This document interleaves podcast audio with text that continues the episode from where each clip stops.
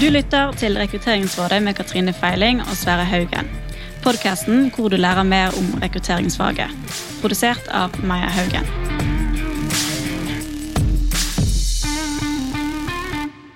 Velkommen til episode 70 av Rekrutteringsrådet. Eh, I dag så er det bare jeg som er i studio. Eh, eller det vil si, det er ikke bare meg, Sverre Haugen. Det er også gjesten min for dagens tematikk. For i dag så skal vi snakke om volumrekruttering, eller masserekruttering. Eh, og for å belyse denne tematikken, så har jeg fått med meg en eh, veldig erfaren rekrutterer, som nå sitter i en rolle hvor dette er høyst relevant. Eh, velkommen til deg, Bente Kristiansen. Tusen takk, Sverre. Veldig hyggelig å bli invitert. Du, før vi brekker i gang og liksom går inn på tematikken her, mm. fortell kort sånn folk eh, der ute blir litt bedre kjent med deg. Hvor, hva er din bakgrunn? Hvor kommer du fra sånn jobbmessig, da? Ja, eh, jobbmessig så har jeg jobbet lenge innenfor eh, teknologi, i teknologibransjen. Jeg har bl.a. vært over eh, 14 år i et selskap som heter Evry, eller nå Tieto Evry. Og så har jeg også et eget lite tech-selskap ved siden av det. Eh, Og nå har jeg startet for et år siden i Norwegian, som er eh, et flyselskap. Ja. Og litt annerledes. Men da må jeg spørre, er, Norwegian et tech-selskap? Norwegian er ikke et tech-selskap. Eh, Det er jo innenfor flybransjen. Og, men kan kanskje ha noen eh, paralleller med at det også er en ganske hektisk bransje, hvor ting skjer eh, fort. Ja, Og som også selvfølgelig har behov for digitale roller til Men ikke, kanskje, det er ikke kanskje der volumet er, da? Volumet er nok ikke på teknologer, men eh, absolutt så rekrutterer vi også teknologer hit, altså. Ja. Men først, da, før vi liksom brekker i gang i det Jeg må jo si da at eh, jeg stiller spørsmålet her om hva Bente jobber med, men det vet jeg jo, for jeg har jo, jeg har jo kjent deg litt og hatt kontakt med deg fra tiden du jobbet i Evry, Bente. Men jobbet du noe med volumrekruttering der? Sånn, hvis du tenker hvordan du definerer volumrekruttering, da? Ja, nei, i eh, Evry jobbet jeg ikke med volumrekruttering. Det nærmeste jeg kom, i og med at jeg jobbet både med rekruttering og employer branding, det var å lage en felles rekrutteringsprosess for unge digitale talenter, hvor vi inviterte inn ca. 100 stykker på en eh, Evry-dag. Men 100 stykker, er ikke det nok til å Jo, være det volum? er, det er egentlig en volumrekruttering. Ja, la la oss ta en liten prat om det. Hva, hvordan definerer vi det? Hva, er, hva tenker du på som volumrekruttering eller masserekruttering?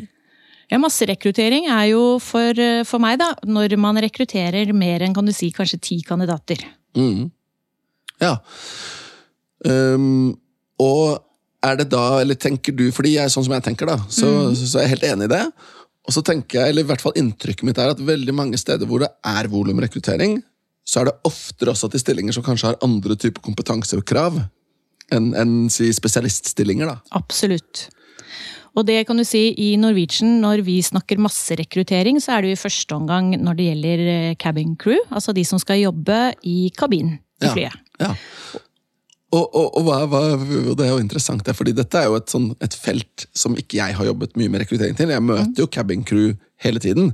Og jeg har jo mine tanker om hva som, som er en god kundeopplevelse for meg som sitter på flyet versus andre. Men det, hvor, hvor definert opp er kravene det er liksom i forhold til hva må du kunne, hva slags CV må du ha for å gå inn i en sånn type rolle? Bare for å ta det eksempelet først. da. Ja. ja, for å skulle kunne jobbe som cabin crew, så er det jo ganske spesifikke krav som du må ha.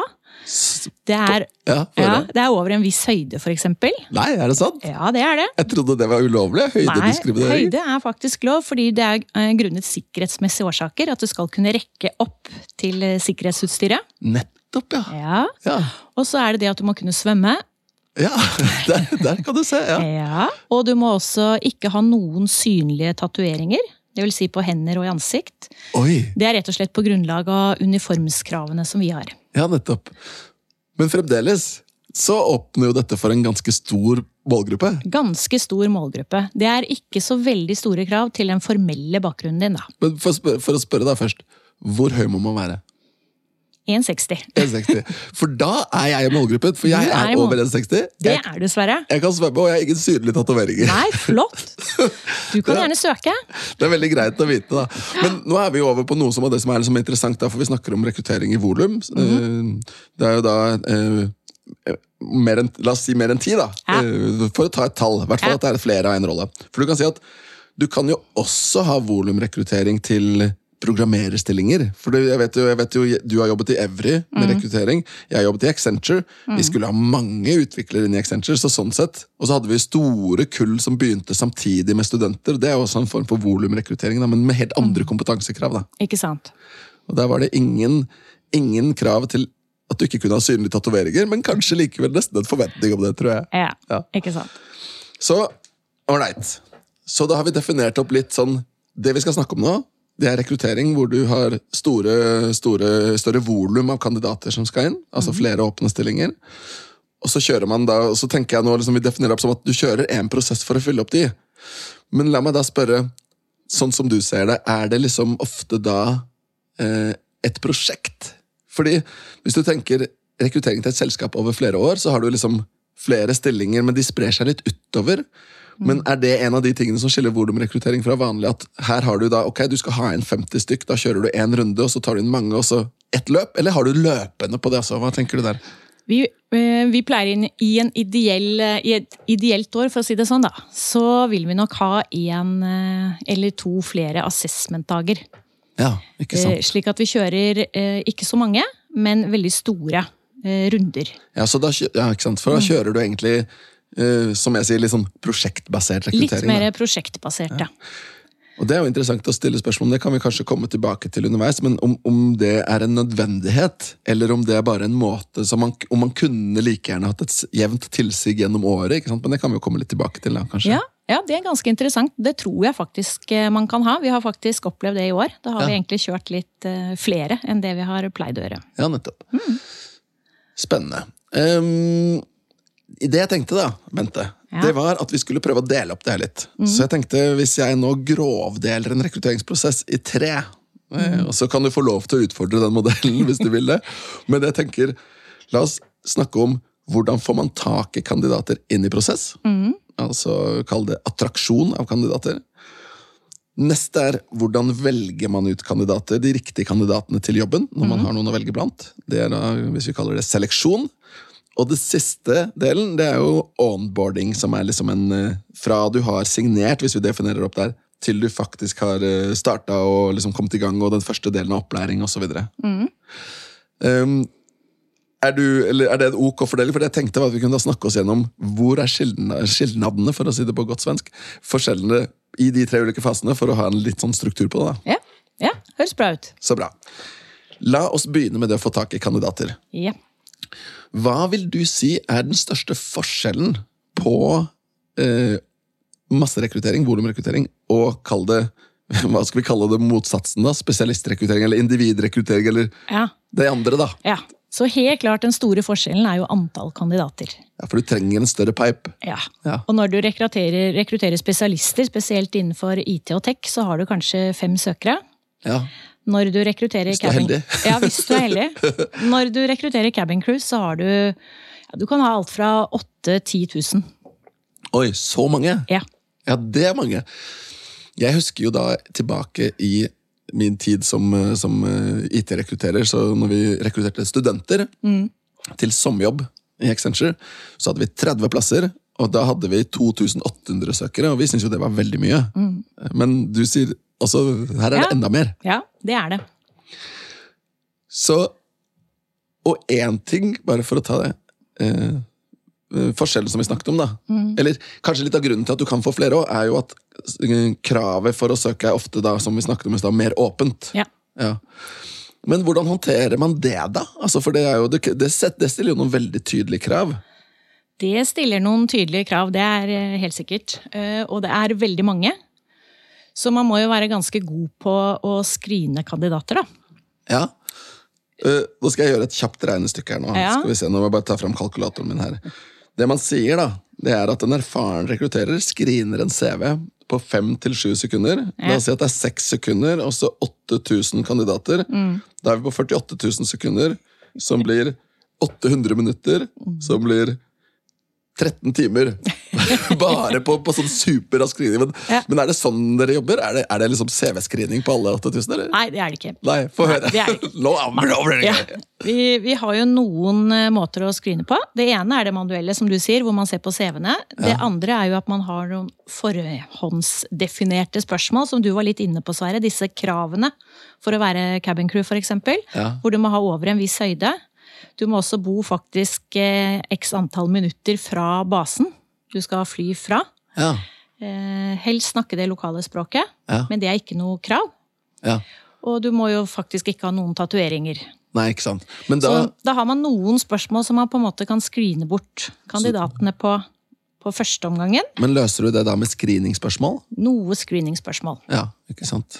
Så har vi også gjort et lite forsøk på å kjøre tester.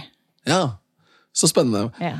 Nå er vi jo, nå har vi jo nå, Det tror jeg vi skal parkere litt, for da hopper vi liksom inn i utvelgelse, seleksjon. Så da tar vi det, det vil jeg gjerne komme tilbake til etterpå. Men la oss gå tilbake til det med hvordan attraherer du kandidatene. da. Eh, For å få, for å få til å få 8000 søkere.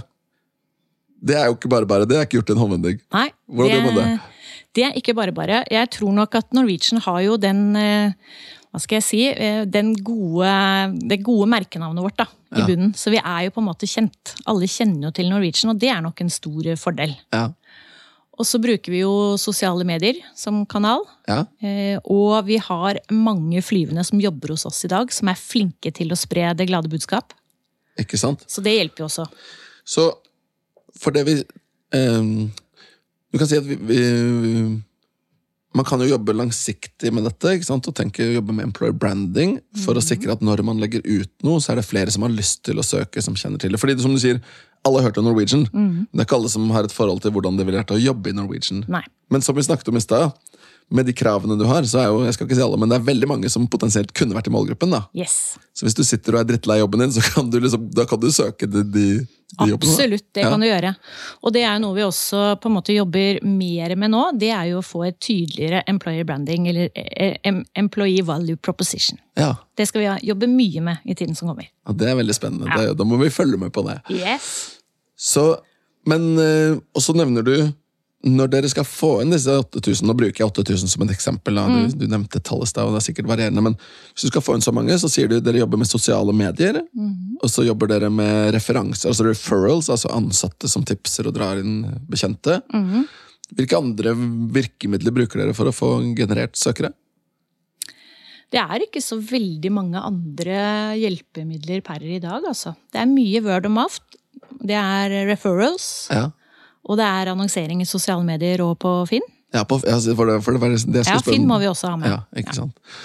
Og sikkert, hvis dere rekrutterer i andre land, også andre typer stillingsportaler. da. Ja, tilsvarende Finn, på en Ja. måte. Hva med hvis vi ser på de sånn tradisjonelle annonseringsmåtene? Hvis du spoler tilbake 20 år, så var det jo Aftenposten Jobb. altså Kjører dere papirannonsering? Kjører dere andre plakater eller andre typer ting? Nei, det har Nei. vi ikke gjort. Nei, Ikke til nå. Ikke til nå. Men the jury is still out. Nei da. Uh, all right. Så uh, Nå vet ikke jeg hvor hands on du er på det her, da, Bente, så, så du, får bare, du får bare rette meg hvis jeg spør om ting du ikke liksom har noe forhold til. Men det, jeg er litt nysgjerrig på Av disse områdene vi snakker om nå, så er jo egentlig alt kjent. Og det er de samme kanalene man bruker når man skal rekruttere til enkeltstillinger. ofte. Da vil det ofte være det er noe annonsering. mm. Kanskje på en eh, stillingsportal som Finn. Gjerne anbefalinger, hvis man får til det. Vi jobber jo mye med det som hodejegere. Men også sosiale medier. Men i sosiale medier har dere gjort dere noen erfaringer med hva funker, hva funker ikke, enten med tanke på hvilke plattformer eller type innhold. da. Hva si Sverre, der er vi litt i gang eh, med å opparbeide oss de eh, erfaringene. Mm. Så den er litt i startfasen ennå, men det kan vi gjerne komme tilbake til. Ja, for det er spennende. Ja. Der kan jeg si, vi, vi har jo jobbet nå med eh, Vi har en egen digital spesialist og har jobbet ganske mye med sosial medieannonsering. Bygget opp målgrupper. Vi kan, kjøre, vi kan kjøre retargeting gjennom at de som har vært på annonsen, får det opp i sosiale medier. Og vi har fokusert på da så langt Instagram, Facebook, altså Meta-universet, og LinkedIn. Yes. Så går det jo an, i hvert fall når man skal inn mot en yngre målgruppe, å tenke andre plattformer som Snapchat og andre ting. Og, så det- TikTok. TikTok og så videre, ikke sant? Ikke minst. Og det interessante med det, Nå skal ikke vi spore helt over i en annen tematikk, men der er det jo også en helt annen type innhold og en annen type kall det brukeratferd i de plattformene. da, som Kanskje det er en tematikk vi må belyse senere. Absolutt. absolutt. For det er også ganske interessant du sier, for det er akkurat det vi også ser på, er jo LinkedIn, Facebook og Instagram Ja. på annonseringssiden. Mm. Riktig, ikke sant. Men la oss nå si, da. Du har, og nå gjentar jeg litt det du sier, to Ja. store prosjekter i året. Ja. Du kjører i gang med et av de. Målet er å få 8000 søkere. Mm. Du dytter ut annonsene dine her og der og der, og så kommer ikke søkerne. Eller ikke nok. Har du vært borti det, eller er det en vanlig problemstilling, eller går det som regel greit? Det har gått eh, noenlunde bra. Eh, I hvert fall når vi har hatt permanente stillinger. Ja. Eh, Vi har jo også nytt i år en 30% stilling som er kun for studenter. Det har gått veldig bra. Oi, spennende. Men så har vi noen kontrakter som er mer midlertidige for de flyvende, og det har vært litt tøffere å få tak i. Ja, ja. Ikke sant. Um, ja, det er jo ofte det er ikke så rart, for de fleste er kanskje ute etter noe Eller mange, i hvert fall, er ute etter noe fast. Ja. Um, la oss bevege oss hakket videre, da. Du har generert en søknadspipe, og så skal du etter hvert begynne å velge de ut. Og da, Hvis vi ser på dette eksempelet igjen, 8000, hvor mange av de er det som, som til slutt vil stå igjen da, og få en jobb? Av de 8000, Ja, det kan nok være kanskje 700. 700, ja. Riktig. Ja, det, det, da snakker vi volumrekruttering. Fordi hvis vi tar parallellen som vi snakket om med min erfaring fra Accenture, så var det 300, nei, det- ja, hva var det jeg sa? 2800 søkere og 30 plasser. Men da, det, og det er jo, da er det jo liksom 1% av de som søker, som får jobben. Typ. Men her er det jo faktisk et behov for så mange søkere som 8000, fordi du skal jo ha, det er jo egentlig 10% som kommer Yes. gjennom. Hvordan velger man ut de 10 prosentene? Det har vi allerede sagt. Screeningspørsmål er viktig. Screeningspørsmål er viktig. Så nevnte du også CV CV-screening. CV-screening må også til. Men vi gjør jo først disse screeningspørsmålene. ja. Så kjører vi også noe tester helt i starten. Ja. Altså som en screening. Men, og nå, nå, nå ble jeg litt nysgjerrig og må være litt detaljert.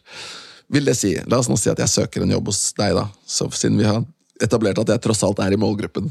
Eh, så det første jeg møter da, kan være tester. Hva slags tester? Ja, De testene vi, vi har valgt å bruke, de måler eh, IQ, integritet og planmessighet. Ok, men da, ok, da har du angrepet det veldig sånn, kall det Vel- rekrutteringsfaglig, seleksjonsmessig riktig. Veldig seleksjonsmessig riktig. Ja. Og også så er det en blindrekruttering. Så vi setter en eh, score, og vi ser ikke kandidatens navn, alder eller kjønn. Nei. Ikke sant. Fordi, og dette er helt sikker på at mange som lytter, forstår hvorfor dere velger det, men jeg sier det likevel dersom det er noen som skulle være usikre på det, og jeg antar at det er derfor dere har valgt det. Evnetester er jo noe av det som, som si enkelt seleksjonsverktøy som man ser korrelerer best med jobbprestasjon på tvers av yrket. Stemmer? Og på Big Five så er det planmessighet som er den ene faktoren som faktisk har en positiv korrelasjon med arbeidsprestasjon. Nemlig. Så da lener dere dere veldig på faglig struktur. Nemlig. Men, og nå blir jeg kanskje litt sånn kritisk spørsmål, det er ikke meningen det, men eh, det er jo potensielt noen utfordringer knyttet til kandidatopplevelse. Hvis det første du møter er en evnetest og en, eh, en eh, personlighetstest, og så får du vite at sorry, men du var ikke smart nok, eller du er ikke strukturert nok, eller Ja, De er veldig korte. altså for å si det sånn. De, de testene er, de tar ti minutter å svare på. ja, Så det alle. Ikke, eh, alle, alle tre til sammen. Ja, Ja, Så det er ikke en sånn lang eh, testbatteri du må gjennom. Nei. Men det er kun eh, noen enkle spørsmål. ikke sant. Um, og så screener dere da ut noen. Dere har satt et cutoff. Det er blindt. Da har vi satt en cutoff, og den Ja. er blind. Ja, Og etter den så kommer jo da også For da har du først hatt killer-spørsmålene i starten. Ja. Og så har du noen eh, tester du går gjennom. ja, For det er ikke noe vits å teste de som er under 1,60. Nei, Nei, for de er for lave. de er for lave. Eh, Og så, eh, etter det, så, mm, så er det da den manuelle CV-screening-biten som Riktig. vil være igjen. Eh, husker du tall på dette? For dette er, jeg synes det er superinteressant. Husker du, Hvis du ser på da 8000 igjen, dette tenkte tallet som var et eksempel, så har du, når du har gjort screeningspørsmål og evnetester, hvor mange av de er det som liksom er videre da? Ish? Når det, ja, hvis jeg skal ta et tall bare litt ish, Ja. så er det kanskje hva skal jeg si, 2500-3000. Ikke sant. Så da har det fremdeles ganske mange CV-er igjen å, å søke på, da. Eller Ja. skrine på. Men la meg da stille et spørsmål. Hva ser dere etter i de CV-ene? Fordi de der, Hvis du tenker på disse knockout-kriteriene dine, eller disse silingskriteriene i screeningspørsmålene, så er de veldig sånn enkelt og greit. Men da er det altså noen ting dere ser etter også i en CV. Så dere screener CV-er menneskelig og manuelt, eller gjør dere det maskinelt? Nei, det, det er den menneskelige faktoren. Den kommer inn der.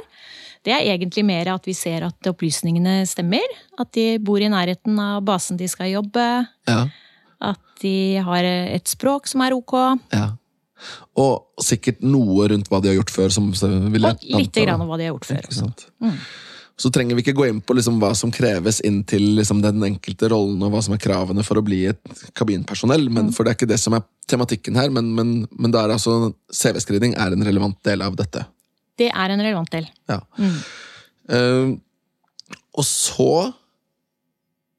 uh, Hva skjer så? For da har du altså Da siler du ut ganske mange der, men så må man jo Du kan ikke ansette noen på det. Når vi har silt ut ganske mange, så blir de invitert inn til assessment-dager. Riktig. Og da igjen så er det jo veldig sånn Dette er jo en sandkasse for folk som er interessert i rekruttering. Her har du liksom tester og screeningspørsmål og hele pakka, og så til og med assessment Og assessment center.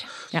Kan jeg spørre, hva gjør dere i det assessment senteret? Hvor, eh, hvor eh, hva, altså, hvordan ser det Ja. ut? Du, På assessment-dagen så kommer det en rekke kandidater. Det kan være opptil ca. 50 kandidater per dag. Ja. Og så kjører vi da en veldig god presentasjon. Jeg har en stjerne som kan, til å holde presentasjoner i teamet. Ja. eh, Som heter Tore. Han er veldig god. Shout-out til yes, Tore. Yes, og da holder han en glimrende presentasjon. Eh, Etter det så kjører vi en gruppeoppgave. Ja. Etter gruppeoppgaven så kjører vi én-til-én-intervjuer. ja. Og så kjører vi også uniformsprøving. Ok, vent litt, vent litt nå. Da må jeg spørre. Uniformsprøvingen, er den seleksjon, eller er den bare for å spare tid senere i prosessen? Uniformsprøvingen er vel egentlig litt eh, hva skal jeg si, det er litt begge deler. Det er for å skape en god kandidatopplevelse. Ja. Sånn at de som er med og ikke blir valgt, også får, kan få litt følelsen av hvordan det er å være i uniform. Kanskje man Ja. sår et lite frø, at de har lyst til å komme tilbake ved en senere anledning. Ja. Jeg, jeg kan jo bare- relatere det til mine opplevelser på diverse flyplasser, hvor du ser disse, disse folka som går forbi. Så kan man jo mene hva man vil om uniformer, og så men det er jo mye flotte uniformer fra de ulike flyselskapene. Absolutt. Ja. Men eh, du svarte eller du svarte du egentlig på spørsmålet. Er det seleksjon i det òg? Er det sånn at dere tenker nei, du kledde ikke det du forberedte, derfor får du ikke Nei, det tenker vi ikke. Nei, ok. Ålreit. Men det er smart, så da er det jo bakt inn litt sånn der brukeropplevelsefokus i det. inn i det, Litt da. brukeropplevelse. Ja, ja. Og så kjører vi også en eh, bakgrunnssjekk, som er eh, spesielt for flyvende. I forhold til Luftfartstilsynet så må jo alle bestå en bakgrunnssjekk for å kunne jobbe som flyvende. Men, men den gjøres da etter assessment-dagen, eller på På assessment-dagen? assessment-dagen. Vi hjelper til med forberedelsene, Ja. slik at kandidatene kan forberede seg på hvilke papirer må jeg ha i Smart. orden, osv. Smart, så slipper dere å vente på at de skal svare ut ting og tang, og så har dere liksom gjort det. Yep. Det er veldig smart. Um, veldig bra. Er det noen Men dere gjør ikke noe, og da bare for å, for å skal ikke jeg gi noen tips til folk som har lyst til å snike seg inn i Norwegian, men dere gjør ikke noe retest av evnetester og retest av tester? og Det gjør vi ikke. Nei. Nei. Så der, er det, der, der stoler dere på, på, eh, på Der testene? stoler vi på teorien. Ja, Ja. ja, og tillit til kandidatene. Ja. Ålreit. Eh, og etter det så vet dere hvem dere skal ansette. Ja, etter at de har vært med på intervjuene, og da har vi også et ganske strukturert intervju, for å si det, da. Ja, det var det én-til-én-intervjuet. Ja, Og så det kjører dere strukturert? Det kjører vi strukturert, alltid to personer, og vi har plukket ut noen kompetanser som vi går gjennom. Ja. Så alle kandidatene får de samme spørsmålene. Ok, La meg da spørre, for nå er jeg, altså, jeg synes dette er en veldig interessant faglig diskusjon. Ja. Um, hvis du ser på det som er by definition et strukturert intervju, i Mhm. hvert fall hvis du drar det der seleksjonsperspektivet helt ut, så er det jo veldig da skal det være veldig strukturert. Du skal ha det samme spørsmålet hver gang. Du skal ikke stille oppfølgingsspørsmål. Du skal liksom bare se hvordan Er dere så strukturerte, eller? Nei, ikke så. Det, vi kan komme med oppfølgingsspørsmål. Ja, ok. Ja. Det skjer altså. Riktig. Det må jeg si. Hvordan har dere valgt ut kompetansene, da? Eller liksom i spørsmålene sånn? Er det basert på erfaringer med hva som trengs for å være god? Ja. Ja. Det er litt basert på hva som trengs for å være god, litt eh, basert på hva man ville tatt en personlighet til en som skal være flyvende og jobbe i servicebransjen. Ikke sant? Så bra. Men da får man jobben.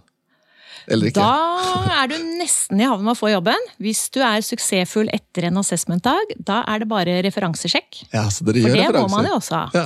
Ja. Har, dere, har dere digitalisert referansesjekken, eller Det har vi. dere Vi har en full digital referansesjekk. Ja, ikke sant? Ja.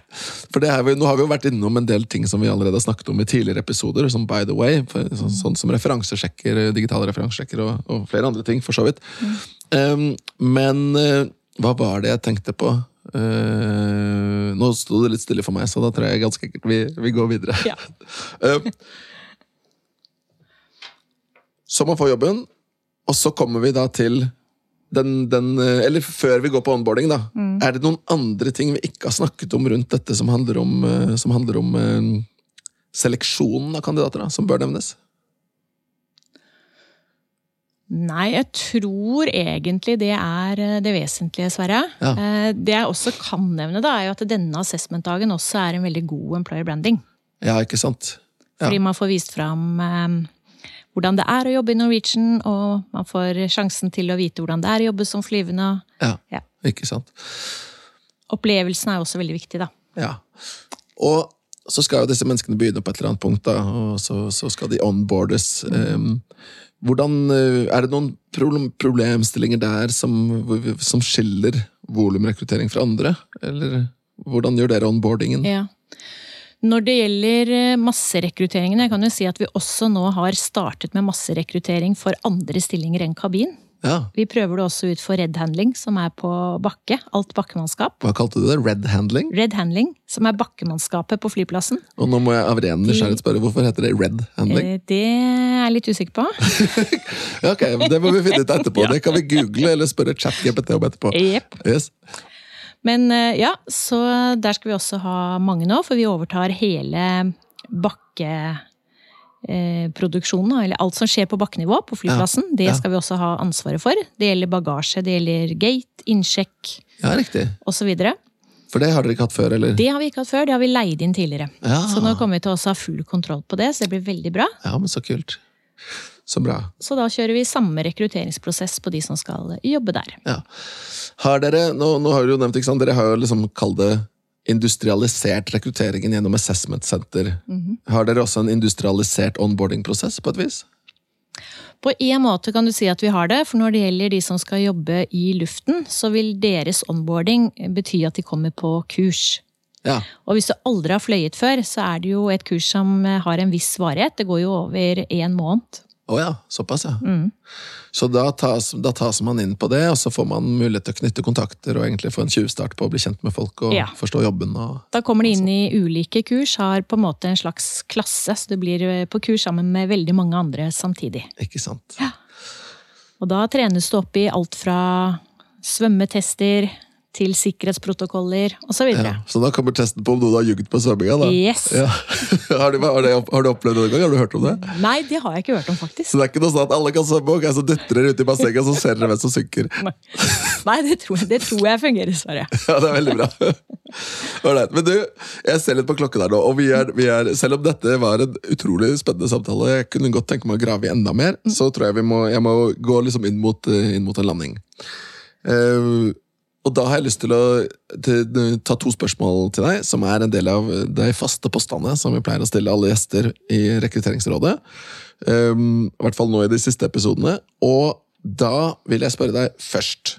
For nå legger vi da masserekrutteringen til side, bare for å være helt klar på det. Okay. Og, og, og Norwegian og eller hva du vil. Altså, nå er det liksom carte blanche på hvor du går og hva du vil svare på. Ok. Hva er din verste rekrutteringsopplevelse, enten som kandidat eller som rekrutterer eller som leder?